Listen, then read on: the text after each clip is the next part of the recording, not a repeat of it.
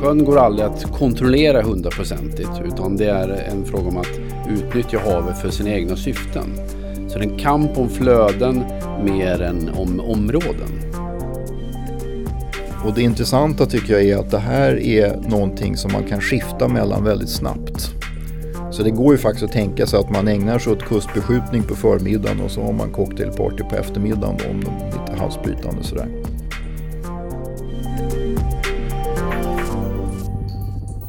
–4800 mil. Så lång är Sveriges totala kustlinje om man räknar alla kobbar och skär. Från Haparanda i norr till Strömstad i väst. Och den sjöfart som går till, från och längs de här kusterna står för en stor del av vår export och import. Vår ekonomi och försörjningsförmåga är väldigt beroende av en fungerande, regelbunden och säker sjöfart och det ställer såklart höga krav på vår förmåga att försvara den sjöfarten. Det här avsnittet är rapporterat har därför fått namnet Det moderna sjökriget och ska handla om hur havets ändrade roll ställer nya krav och vad framtiden är för det svenska sjöförsvaret. I studion med mig sitter därför Per Edling, jag är kommendör och eh, chef för operationsledningens planeringsavdelning. Och bredvid dig har vi Niklas Granholm, jag är forskningsledare på FOI och vid avdelning försvarsanalys och håller bland annat på med eh, marinstrategiska frågor. Inom försvaret så brukar man ju prata om olika domäner som till exempel luft och mark och cyber. Så om vi börjar med att fråga vad är det som skiljer havsdomänen från andra stridsdomäner? Det viktiga här är att säga att havet är ju en annorlunda och sjö, sjödomänen det är det som präglar förhållningssättet, verksamheten, uppgifterna. Och det gör det på ett annat sätt än man gör det till lands och i luften. Och sen är dessutom då havens roll förändras här nu. Alltså den, den huvudsakliga rollen under många tusen år det har ju varit att vi har det som proteinkälla genom fiske. Och sen som kommunikationsled då för varor, människor och idéer. Men sen har det tillkommit ganska mycket på senare tid och det är installationer på havsbotten, telekommunikationen, energiöverföringen, naturgas, olja, elkraft och anläggningar för elkraftsgenerering. Då. Så att vår, vi har ett väldigt starkt beroende av havet som har fått ytterligare dimensioner här. Så att det här århundradet det kommer att vara ett ganska blått eh, århundrade i, i min bild då egentligen. Och sen så brukar man ju säga då att när man har eh, olika typer av sjöstridskrafter så den klassiska indelningen är att de har tre uppgifter som de kan skifta mellan. Och en roll är ju, är ju polisiär, det vill säga man upprätthåller någon form av överenskommen ordning om hur det ska fungera till havs. Good order at sea och sådär. Och det här, när den här hotas då kommer man och sätter in resurser. Och de här antipiratoperationerna på Afrikas horn är ett modernt exempel på när sjöfarten hotades. Och då kom man, såg man till att försöka lösa det på olika sätt med, med örlogsresurser. Sen har man en diplomatisk roll också. Det här är, handlar ju om att signalera olika saker. Man kan ligga under horisonten eller synas väldigt tydligt. Man kan eh, hålla på med örlogsbesök och visa upp sig på olika sätt. Man kan vara en plattform för förhandlingar. Man kan signalera avsikter och sådär. Och det här är ju väldigt flexibelt. Och sen den tredje rollen det är den rent sjömilitära. Alltså att man ut, utkämpar strider till havs för att nå nationella mål och kontroll av, av ett havsområde. Och det intressanta tycker jag är att det här är någonting som man kan skifta mellan väldigt snabbt. Så det går ju faktiskt att tänka sig att man ägnar sig åt kustbeskjutning på förmiddagen och så har man cocktailparty på eftermiddagen då, om de är lite halsbrytande sådär. Per, från ditt perspektiv, vad är det som gör havsdomänen speciell? När det gäller eh, de olika eh, domänerna som eh, vi bedriver krigföring i så sticker sjön ut relativt framförallt marken. I och med att sjön går aldrig att kontrollera hundraprocentigt utan det är en fråga om att utnyttja havet för sina egna syften. Och de är eh, i, i grunden att se till så att flödena till och från landet eller området kan flyta ostört samtidigt som man klarar av att bryta motståndarnas motsvarande flöden. Så det är en kamp om flöden mer än om områden. Jag tänkte vi skulle lämna Sverige lite kort och prata om ett sjökrig som pågår just nu. Nämligen i Ukraina, där den viktiga sjöfarten i Svarta havet har varit en del av kriget ända sedan Ryssland inledde sin fullskaliga invasion för över ett år sedan. Niklas, kan du berätta lite vad som har hänt sedan dess? Ja, det kan jag göra. Eh, det är ju så att eh, väldigt mycket av rapporteringen från kriget handlar ju om landkriget och det har ju sina eh, randiga skäl och rutiga orsaker. Men vad som hände då är att så fort eh, kriget inleddes så påbörjade den ukrainska marinen en kustförsvarsoperation som inriktade sig på norra Svarta havet. Och det är framförallt hamnen i Odessa här som är central och ett par andra då flodmynningarna då Bog och Dnepr som var intressanta. Målet som Ryssland satte upp egentligen med det här det var att man ville skära av Ukrainas tillgång till havet. Och det här lyckades man med ett tag i alla fall. Men efter en tid så kunde man se att Ukraina lyckades få en vändpunkt i det här och den kommer då ungefär i april 2022 när man eh, oväntat lyckas sänka en stor rysk kryssare, kryssaren Moskva. Och då använder man kustrobotar som man sköt från land till det här. Exakt hur det här gick till det är väl lite oklart men eh, kryssaren sjönk och försvann. Och det här eh, ledde då till flera saker. För det första så, så kunde man då ta bort en del av de resurser som Ukraina hade satt av för att eh, möta en landstigning i Odessa-riktningen som Ryssland hade planerat. Det andra som hände var att det här ganska avancerade luftvärnssystemet som den här kryssaren hade var ju också borta. Och det innebar då att det, rysk, eh, det ukrainska flygvapnet kunde operera ute till havs.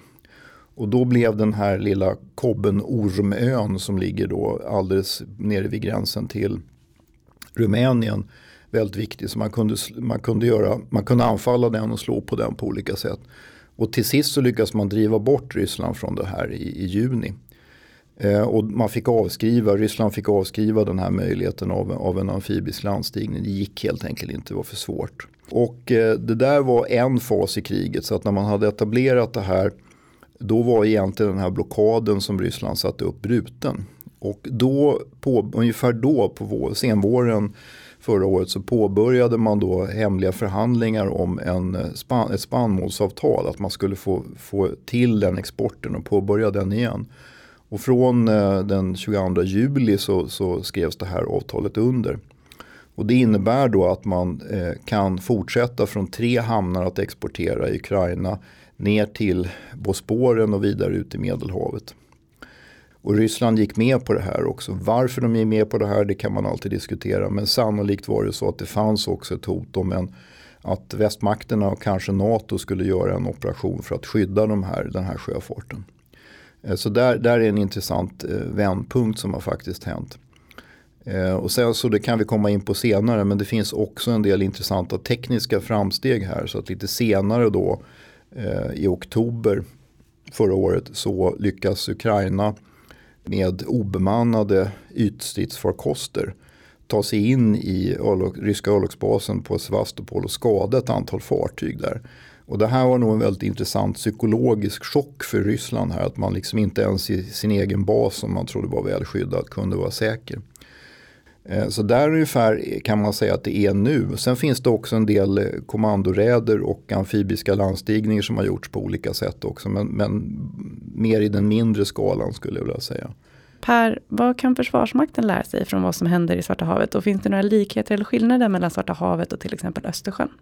Det kommer finnas massa faktorer att lära sig av krigföringen i Ukraina i alla domäner. Men det finns några tydliga skillnader också mellan eh, Svarta havet och eh, Östersjön, mellan eh, Ukraina och Sverige. Och det ena är ju det geografiska läget. Eh, Ukraina är ju en del utav den, eh, det är, Ukraina är en kontinentalmakt.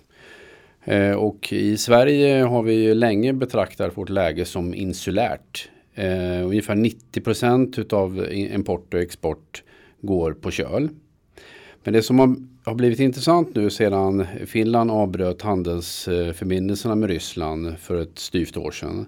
Det är att nu har även Finland, som har varit en del, eh, eller har varit en kontinentalmakt, har bli, fått ett eh, läge som, som ganska i stor utsträckning liknar Sveriges. Eh, där man också har eh, numera importer och exporter upp mot 90 procent. En väldigt stor del av vår kustlinje finns i just Östersjön. Hur ser den marina miljön ut i Östersjön som påverkar försvaret av den? Det viktiga med Östersjön är ju att det är ett ganska grunt hav. Det är oceanografiskt väldigt komplicerat och det skiftar väldigt kraftigt över årstiderna. Alltså det är ljudutbredning och sjöförhållanden och annat. Och sen så fryser det faktiskt till, ska vi inte glömma också, delar av året i större eller mindre utsträckning som, som påverkar vad man kan göra i Östersjön. Då. Eh, och sen kan man ju se då att eh, det här kontinental eh, insulär perspektivet är också väldigt intressant tycker jag. För att här är vi ju väldigt beroende av eh, öppna sjövägar och det är alla andra Östersjönationer inklusive Ryssland också. Eh, och då kan man se det att eh, antalet fartygsrörelser ökar i Östersjön. Så att ungefär 3000 fartyg dygnet runt året om brukar man säga rör sig genom, genom Östersjön. Eh, så att det här är, det här är ab, absolut centralt. Att hålla reda då, då på vad de, vilka fartyg det är som rör sig här. Vad det är de har ombord, vart de är på väg. Vem handlar med vad med, vad, med vem. Det blir ju en sån här väldigt viktig eh, uppgift som vi har också. Så att det är ekonomiskt alldeles centralt. Och sen är det då utflödena förstås. Eh, det finns två vägar ut och in och det är Stora Lilla Bält och sen är det Öresund. That's it. Eh, så det är väldigt eh, begränsat i det avseendet också. Och sen kan man nog lägga till tror jag att i den här stora, större kontexten så hänger ju eh, hamnarna på den svenska västkusten där Göteborg har en särställning in då. Och Göteborg är ju inte bara Sveriges största hamn utan det är Nordens största hamn också. Och väldigt viktig för alla Östersjöstater. Eh, det är Norges största hamn till exempel. Och det här är ju då eh, väldigt viktigt inte bara för Sverige utan för andra. Så att stora fartyg kommer in från, från världshaven. Man lastar om i Göteborg. Det går vidare på mindre fartyg på järnväg eller på landsväg eller in i, i eh, fabriker då. Och sen så kommer det ut andra saker som man sen exporterar därifrån. Så det är väldigt, väldigt intressant och viktigt och då blir ju farlederna in och ut till Göteborg väldigt viktiga. Vilket man kan se nu då på det del av Aurora 23 här att man faktiskt övar tydligt på västkusten med eh, svenska marinen och andra tillsammans. Som, som olika, olika övningsmoment som görs där. Skulle jag bara vilja understryka två stycken av de eh, faktorer som du nämner. Det ena är att det är väldigt korta avstånd både i, i eh, Svarta havet och här i Östersjön. Eh, och även ute i, i Västerhavet. Eh, det vill säga det, det, tar inte så lång tid från dess att eh, fienden siktas vid horisonten tills eh, eh han är här så att säga.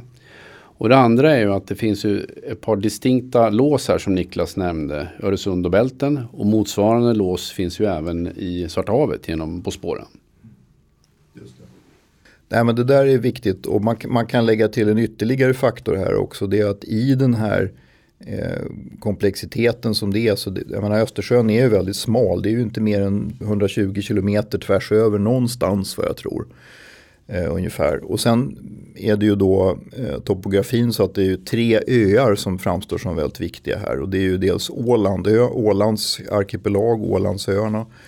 Eh, som ligger mellan Sverige och Finland och som då eh, begränsar sjöfarten också in från Östersjön in i Bottenhavet. Eh, och sen har vi förstås Gotland mitt i Östersjön och som blir väldigt centralt om man ska göra någonting eh, offensivt eller defensivt i Östersjön. Och sen har man längre söderut Bornholm.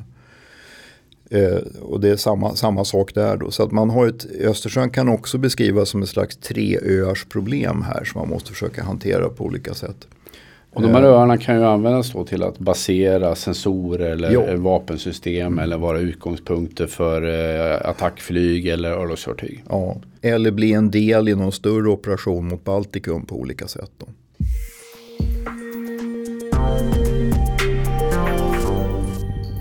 Jag tänkte vi skulle byta spår lite för det pågår ju just nu en upprustning inom flera domäner och då ligger ju mycket fokus på teknikutveckling. Hur ser teknikutvecklingen ut när det gäller just sjöförsvaret? Ja, men jag tycker att vi har varit inne på det lite grann med att den här multidomänoperationen innebär så stora fördelar. Om man utsätter motsvarande mycket enklare för ett rejält eh, både operativt och, och strategiskt dilemma när man arbetar i flera dimensioner samtidigt. Och ett exempel har vi, vi har pratat om eh, långräckviddbekämpning från örlogsfartyg. Det är sånt som eh, Försvarsmakten eh, tittar på. Eh, ett ännu tydligare exempel är att man bestyckar örlogsfartyg med luftförsvar. Så man alltså ifrån ett örlogsfartyg kan bidra till försvaret utav luftdomänen. Och det kallas ju i NATO för Integrated Air and Missile Defense. Där framtida svenska örlogsfartyg kommer att kunna vara med. Och eh, ja, dominera luften helt enkelt. Mm. Precis och eh, på tekniksidan så tycker jag att det också finns andra intressanta delar och det är ju undervattensdomänen. Alltså här sker ju också väldigt mycket teknikutveckling här. Så att på, på lite längre sikt så verkar det som att undervattensdomänen blir eh, mer genomskinlig än vad den har varit om man kan uttrycka det så. Med de eh, nya sensorer och utvecklingar som man kan se här också. Och sen har vi ju sett ganska nyligen här då att eh, det som brukar kallas för eh, seabed warfare som en del av det här också kommer in. Och eh, inte minst är ju då eh, väldigt konkret är ju med sabotagen mot Nord Stream. Eh, rörledningarna på, på eh, Östersjöns botten i september förra året. Och det här var ju en väldig galvaniserade ju igång systemet på många sätt där man ser att man nog inte hade tänkt riktigt på det här. Vi har ju diskuterat att de här anläggningarna och eh, framförallt installationerna på havsbotten är väldigt sårbara. Men jag tror inte man har tänkt riktigt på att de skulle kunna utsättas för den här typen av sabotage på väldigt lång tid. Eh, så att vad som händer nu är sannolikt är väl att man, man eh, kompletterar de här med andra typer av sensorer så man kan upptäcka det här i tid. Eh, och sen så kommer nog de som nya som byggs att ha det som krav att de ska designas med den typen av sensorer för att upptäcka sånt här. Men så ska man komma ihåg att det är enormt långa ledningar som det handlar om här. Och här är det ju då eh, elexport, elimport, det är elkraftsgenerering med vindkraftsparker.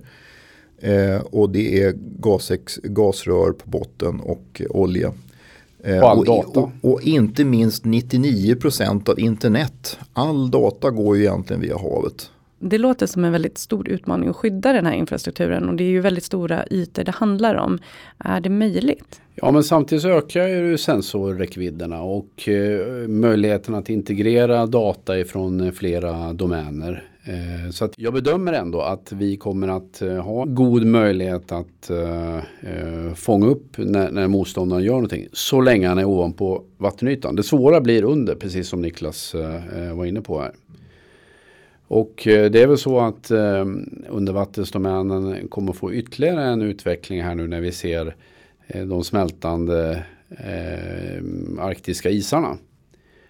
där nya områden kommer att bli möjliga att exploatera. När alltifrån eh, sjövägar som öppnas till min, eller, ja, mineraler som går att exploatera på ett annat sätt. Och det här är ditt ämne Niklas. Ja men precis, jag kan prata i timmar om bara detta. Men, men du har alldeles rätt då att, att vi ser ju en accelererande isavsmältning i Norra ishavet och även i Antarktis också. Det här kommer ju få väldigt stora på, påverkan då. Men bland annat så får vi ju då transoceana farleder som öppnas och då blir ju sjöfarten intresserad av det här. Kortare farleder men det är fortfarande ganska mycket is kvar. Eh, det är fruktansvärt dåligt väder, det är kolmörkt halva året. Så att eh, man, man, det går inte per automatik det här. Men, men jag tror att man går i den riktningen och det är ju väldigt tydligt att både Ryssland och Kina och eh, USA tittar ju väldigt noga på den här utvecklingen för att se om det här blir ett nytt, en ny region som man måste tänka på ganska noga. Och den, jag, jag skulle vilja säga från mitt perspektiv att det här har vi nog inte riktigt tänkt på själva, effekten av det här. För att eh, här är ju Norrbotten och Västerbotten svenska arktiska län och det här påverkar oss också.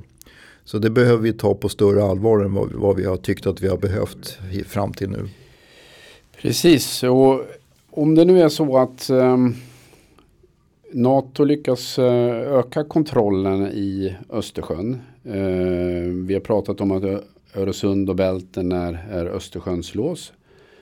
Eh, ishavet, eh, eller ishavsisarna smälter. Eh, det betyder ju att ryssarna kan ju möjligen välja att styra om mer utav sin civila trafik mot ishavshamnarna. Och då kan man på ett ännu tydligare sätt använda Östersjön för försvar. Vilket man ju klassiskt har gjort. Det är en, en eh, Ryssland är en landmakt, alltså har man använt eh, kontinental logik när man har tittat på sitt sjöförsvar. Så de är väldigt inriktade på att rita försvarslinjer. Eh, vi har historiskt sett försvarslinjer i, i eh, Finska viken. Man har nu deklarerat att Öresund är väldigt viktigt, eller alltså Öresund och bälten är väldigt viktiga för, för det ryska försvaret. Och eh, senare års eh, marinövningar i anslutning till eh, marinernas dag här i slutet på juli varje år har ju visat att man är intresserad av att dra en sån försvarslinje ute i Nordsjön.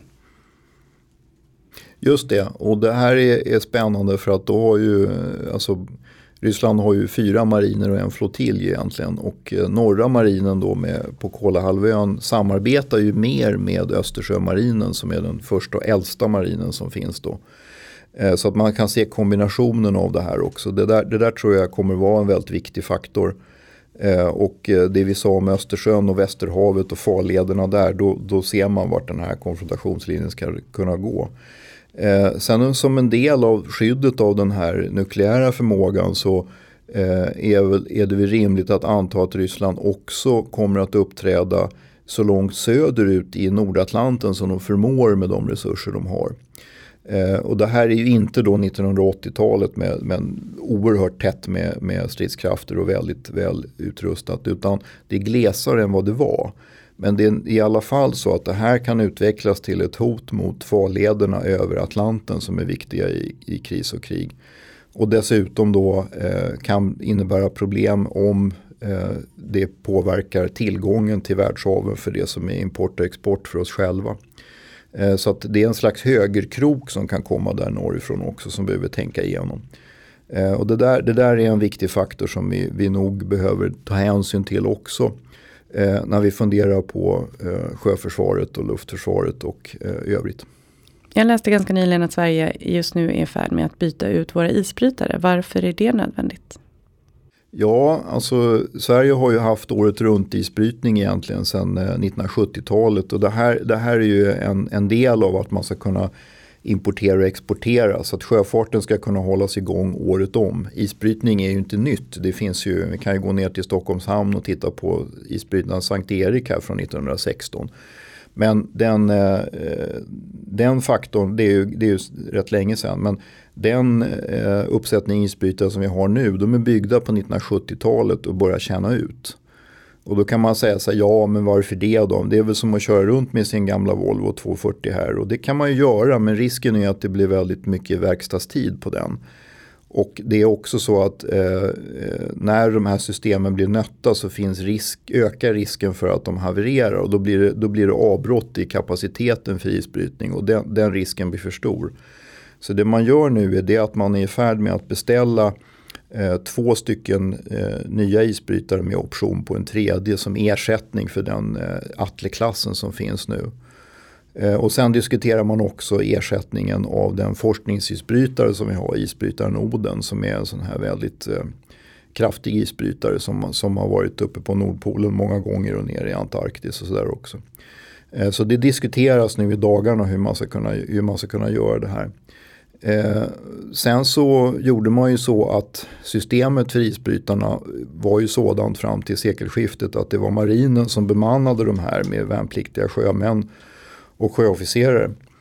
Eh, och då la man ner det systemet och sen är det Sjöfartsverket sen dess som har varit redare för isbrytarna och haft säsongsmässigt eh, de här eh, sjömännen anställda för att sköta isbrytningen. Så det är professionella sjömän som gör det här nu då. Men frågan är om de nya isbrytarna ska ges en roll i totalförsvaret i övrigt. Som de ju hade då fram till sekelskiftet som, som ju var upplägget vi hade under kalla kriget. Så den diskussionen om hur de lösningarna ska se ut pågår nu också.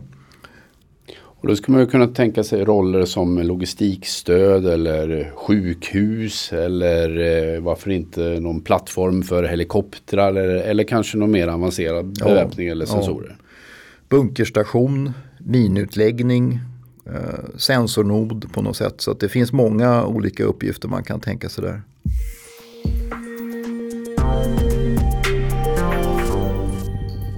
Finland har ju precis gått med i NATO och Sverige är på väg in. Hur påverkar ett NATO-medlemskap vårt sjöförsvar? Det kommer bli mycket lättare för NATO att hålla koll på eh, Östersjöområdet och närområdet när väl Sverige blir medlem i NATO. Men dessutom så, så har ju det tidigare läget när, när Sverige och Finland var en vit fläck på NATOs karta inneburit ett svårt eh, ett stort problem med tanke på att eh, fienden är i öster och på vägen dit så ligger Sverige och Finland.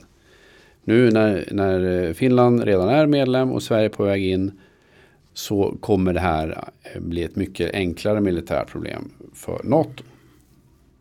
Ja, det är precis så. Och eh, sen så finns det ju olika diskussioner här. att eh, under den här ansökningsperioden så fick ju både Sverige och Finland eh, återförsäkringar när det gäller säkerhet från viktiga NATO-länder i regionen och utanför den. Storbritannien, Frankrike, Tyskland, eh, USA inte minst.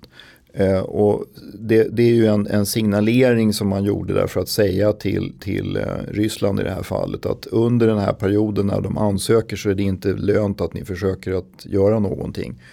Det manifesteras då eh, diplomatiskt med olika uttalanden men också med att man har faktiskt börjat agera med sjöstridskrafter i Östersjön, eh, inte minst US Navy, på en högre nivå under det senaste året här. Och det här är ju väldigt intressant som, som eh, signaleffekt vilket ju är eh, intressant då att man kan använda sjöstridskrafter på det sättet också. Ja, och det, bästa exemplet är väl eh, USS Kearsarge som var här förra sommaren. Ja, eh, som ju mm. låg ankrad inne i, på, inne i stan.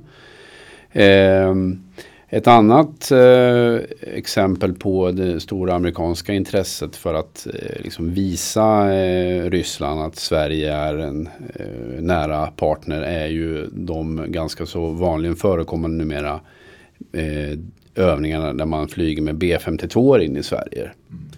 Mm. och i, i området i övrigt här. Mm. Så där ju man uppträder mer och mer ostlikt så att säga. Just det, just det. Nej, men så, det, så det är en tydlig utveckling där som man kan se också. Det, det mm, tror jag är centralt. Om man pratar lite bredare, kan vi säga att vi är redo för att gå med i NATO? Har vi det som behövs? Ur mitt perspektiv som representerar den operativa och kanske taktiska nivån så skulle jag säga att det är inga problem att gå med i NATO. Vi har övat med NATO under hela min karriär. Eh, vi har eh, fartyg som är eh, kompatibla med deras. Vi har vapensystem och sensorer som passar alldeles utmärkt. Det vi inte har är vissa sambandssystem och krypton. Men inställningen och förståelsen för, för, vad som ska ske tillsammans den är väl utbredd. Däremot så tror jag att utmaningen är större på, på den politiska och strategiska nivån. Det finns ju ett stort antal lagar som behöver ändras. Eh, det finns eh, bland annat eh, skrivningar i grundlagarna som man behöver överse. Jag tror man måste bestämma sig för var någonstans försvaret av Sverige börjar. Är det vid territorialvattengränsen eller är det i östra Baltikum? Är det på nord... Är det vid Treriksröset eller är det i, när havet möter Arktis packis? Mm. Ja, och eh, hela den här utvecklingen eh, innebär ju olika frågor för de olika domänerna också. Så att det är ju en fråga som, som man måste ställa sig om man håller på med landkrigföring. Så att säga. Var, var börjar försvaret? Är det eh, vid, eh, vid eh, Torne älv eller ska det vara någonstans långt in i finska Lappland eller östra Baltikum eller någonting sånt här. Då? Och hur ska då strukturen utformas för detta och vilka samarbeten och volymer och, och så. Det här tycker jag är intressant. Så det, det, är en fråga men egentligen så innebär det ju då att man får ett större operativt djup. Man kan flytta runt de resurser man har och koordinera dem på ett annat sätt. Men sen för, för eh, den marina domänen här, så sjödomänen, så är det ju annorlunda här. Därför att om vi tidigare tänkte på att vi skulle ensamma gå ut och försöka slå tillbaka en eh, sjöburen invasion över Östersjön och försöka förhindra då att en annan makt tar sjöherravälde över Östersjön. Så ska vi dels göra det i samverkan med andra. Men det är också så att man behöver skaffa sig just den här kontrollen över eh, Östersjön och Västerhavet i samband med andra här. Så vi, vi går från en slags eh, eh, defensiv eh, roll till en mer offensiv roll. Och tillsammans med andra här, så en sjökontrollkontext kommer vi in i. Eh, och det här tror jag är en ganska intressant fråga därför att då är det vilken, vilket förhållningssätt ska man ha till det här? Hur, hur mycket resurser behöver man för det här? Vilka slags resurser? Så det är väldigt många olika frågor som kommer här. Och sen är det naturligtvis teknikinnehållet här. Vad är det för teknikinnehåll vi ska ha? Är det så att vi fortsätter på den nivån vi har nu?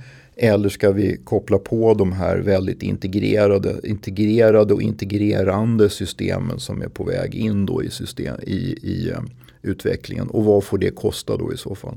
Så det är en lång rad utmaningar som ställs framför oss här då. Hur ska nästa fartygsgeneration se ut och vad, hur stora ska de vara? Vad ska de ha för räckvidd? Vad ska de kunna göra och så vidare. Och jag skulle säga att efter den eh, 24 februari 2022 så ändrade sig allting. Och vi behöver nu förstå att de tre stora utmaningar som vi har att hantera här handlar om att det finns en öppet aggressiv fiende Operationsområdet kommer att bli mycket större och inte bara för flygvapnet utan för alla eh, försvarsgrenar. Och att vi blir medlem i en allians. Vi kan inte längre bara titta på oss själva och tänka på oss själva och, och skydda oss själva utan nu måste vi skydda alliansen. Och för att vi ska klara av det där, de där tre utmaningarna så krävs det en rejäl mental omställning. Och inte bara i försvaret utan i hela samhället. Tack så mycket för att ni kom hit Niklas Granholm och Per Edling.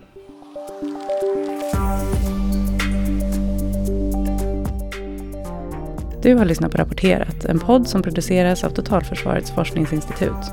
Jag heter Kajsa Collin och i poddredaktionen sitter också Maria Hugson Bygge, Albert Hager Bernats och Madeleine Förlander.